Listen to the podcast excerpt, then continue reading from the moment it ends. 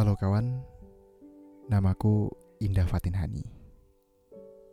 Aku akan menceritakan kisahku bersamanya yang entah ini namanya cerita cinta apa nih. Cinta satu pihak atau cinta apa?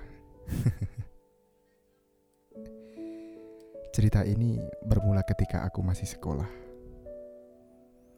Berawal dari sebuah keyakinan bahwa dia menyukaiku hingga muncul rasa yang sama antara aku dan dia. Oh iya, kenalin juga. Dia yang aku suka, Rizal namanya. Orangnya sih cakep, asik, tapi agak sedikit cuek gitu. Aku telah memendam rasa ini selama tujuh tahun.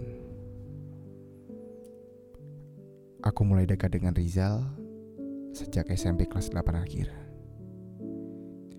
Bahkan selama SMA, aku hanya mempunyai satu teman lawan jenis yang sudah menjadi teman biasa sejak acara kelulusan. Sahabat-sahabatku sampai hafal siapa yang sering aku ceritakan dalam momen apa pun.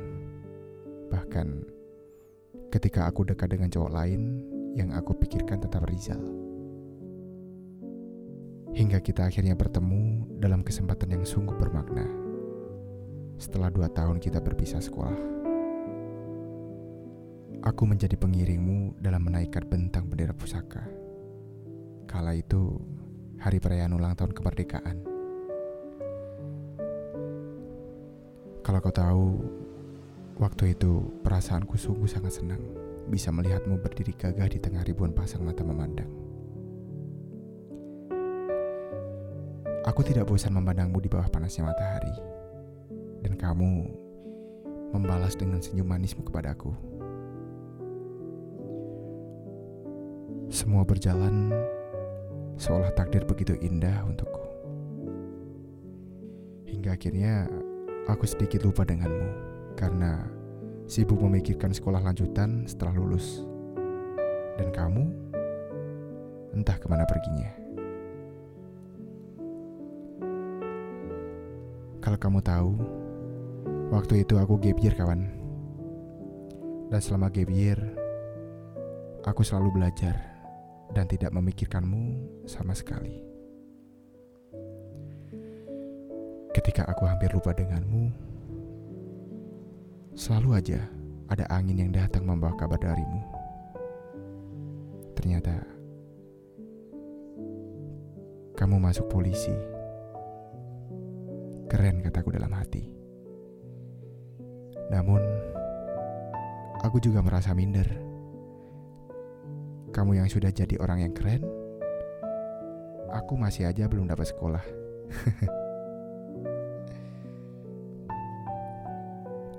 Mulai dari situ, aku sudah menyiapkan hatiku untuk ikhlas menerima kenyataan. Aku sadar masih ada banyak cewek lain yang lebih terbaik untukmu. Dan akhirnya,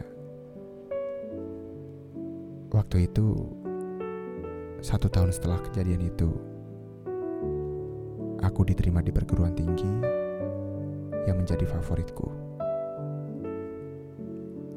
Namun, sekali lagi, aku masih tetap tidak percaya diri dengan apa yang terjadi. Aku seperti batu yang dilempar ke dalam danau, tenggelam dan terasingkan. Sempat lama kita lost kontak, namun akhirnya entah apa yang memberanikan diriku untuk kembali menghubungimu melalui chat lain dan WhatsApp. Hubungan kita kala itu hari demi hari berjalan seperti biasa. Namun, perasaanku tidak bisa ditahan lagi. Perasaanku tidak bisa untuk biasa. Kamu kembali hadir di pikiranku. Aku berpikir, apakah kau kembali lagi untukku? Bahkan, aku sudah mulai sepercaya diri itu. Tepat pada pertengahan tahun 2019 kita pertama kali bertemu setelah kira-kira enam tahun kita berpisah. Ketika itu, aku sedang jalan-jalan ke Solo, dan kamu menyempatkan untuk mendatangiku kala itu. Sebelumnya, aku tidak menyangka kita bisa bertemu dalam kesempatan tersebut. Cinta memang seperti itu. Ketika tidak diharapkan, dia datang dengan seenaknya aja. Bahkan, kamu yang memintaku untuk bertemu di salah satu tempat di Solo.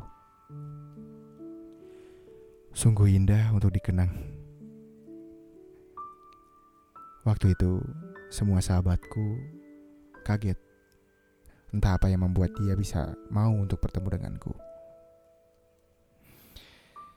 Kala itu, kita menghabiskan waktu berdua.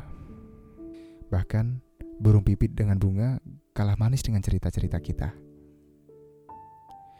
Namun, entah aku yang salah atau bagaimana, kamu mulai menjauh dari aku. Kita memang sedang LDR, dan kunci dari LDR adalah kepercayaan. Namun, bagaimana aku bisa percaya kepadamu? kalau kamu mulai susah untuk dihubungi. Dan ternyata benar, kamu punya orang lain.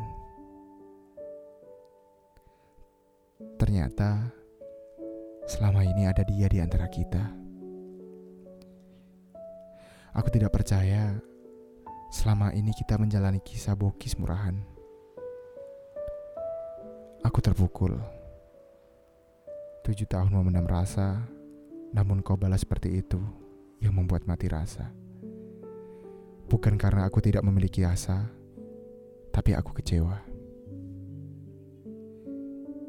Cinta bukanlah sebuah boneka yang jika kau bosan, bisa kau tinggalkan untuk dirawat oleh orang lain. Cinta adalah sebuah kepercayaan yang tiada tara. Aku mencoba untuk ikhlas, namun selalu aja susah. Aku mulai merenung, mulai murung, dan mulai merajuk hatiku untuk berdamai. Tapi tidak bisa. Aku tidak berdaya. Namun, jika perpisahan adalah sekat untuk berdamai dan waktu adalah jawabannya, maka biarkan waktu yang menjawab seluruh kisah kasih kita. Sakit ya kawan? Tapi sekian cerita dari aku. Maaf kalau masih banyak kata atau kisahku ini tidak mengena di hati kalian. Semoga hanya aku yang mengalami pasang surut kisah seperti ini. Terima kasih kawan. Terima kasih The Dreamland.